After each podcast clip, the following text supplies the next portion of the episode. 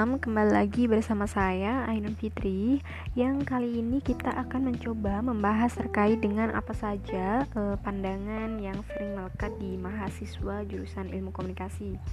Selain itu, kita juga akan mencoba membahas konsentrasi apa saja dan eh, pekerjaan apa saja yang akan didapatkan setelah kita lulus dari eh, jurusan ilmu komunikasi setiap jurusan pasti memiliki stereotip yang menempel pada setiap mahasiswa yang berkuliah dengan jurusan yang dipilih.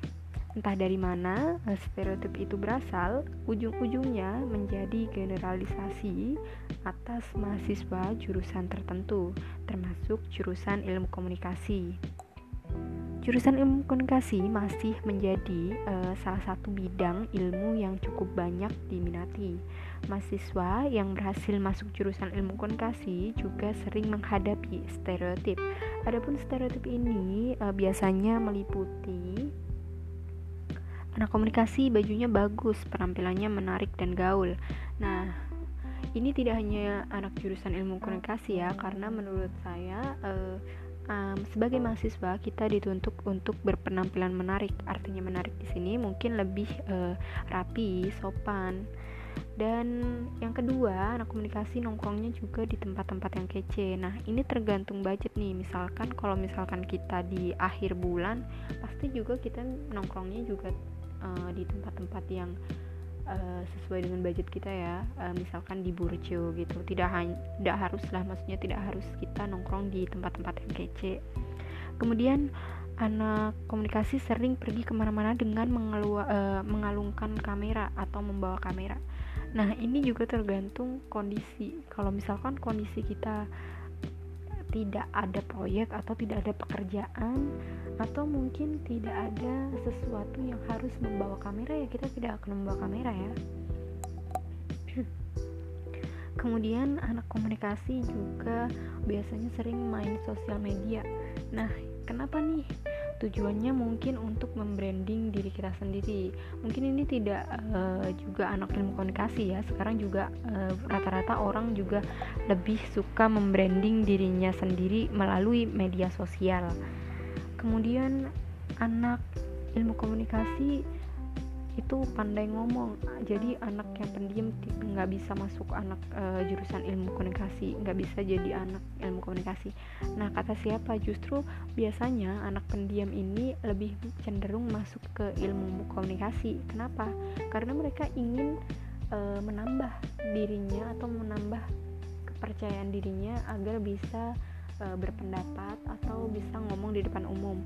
Mungkin anak komunikasi juga tidak sering ngomong sih. Mungkin juga mereka lebih ke sering mendengarkan ternyata banyak banget ya stereotip yang menempel di mahasiswa ilmu komunikasi kira-kira uh, kalian pada tahu nggak sih uh, kalau jurusan ilmu komunikasi ini juga memiliki cakupan yang luas e, namun semua juga tergantung peminatan dan konsentrasi apa yang dialami ketika masa kuliah. Di prodi komunikasi biasanya masih terbagi menjadi beberapa konsentrasi, misalnya media dan jurnalisme. Nah, di konsentrasi ini nantinya ketika kita lulus e, banyak yang kerja menjadi jurnalis wartawan uh, reporter atau penyiar radio TV, kemudian uh, analis media dan peneliti media serta fotografer. Dan untuk konsentrasi selanjutnya yaitu public relation. Nah, jika kita lulus kuliah ini biasanya mahasiswa yang mengambil komunikasi yang berkonsentrasi public relation ini akan berkarir pada hubungan masyarakat atau public relation officer dan selain itu e, bisa marketing public relation dan humas pemerintahan. Selain itu untuk e, konsentrasi selanjutnya yaitu broadcasting. E, nah, konsentrasi broadcasting ini e, selalu menarik perhatian e, masyarakat untuk pilihan karirnya biasanya cenderung ke produser program TV atau radio, konten kreator media online, dan videografer atau youtuber, uh, filmmaker, sutradara, dan penulis skenario.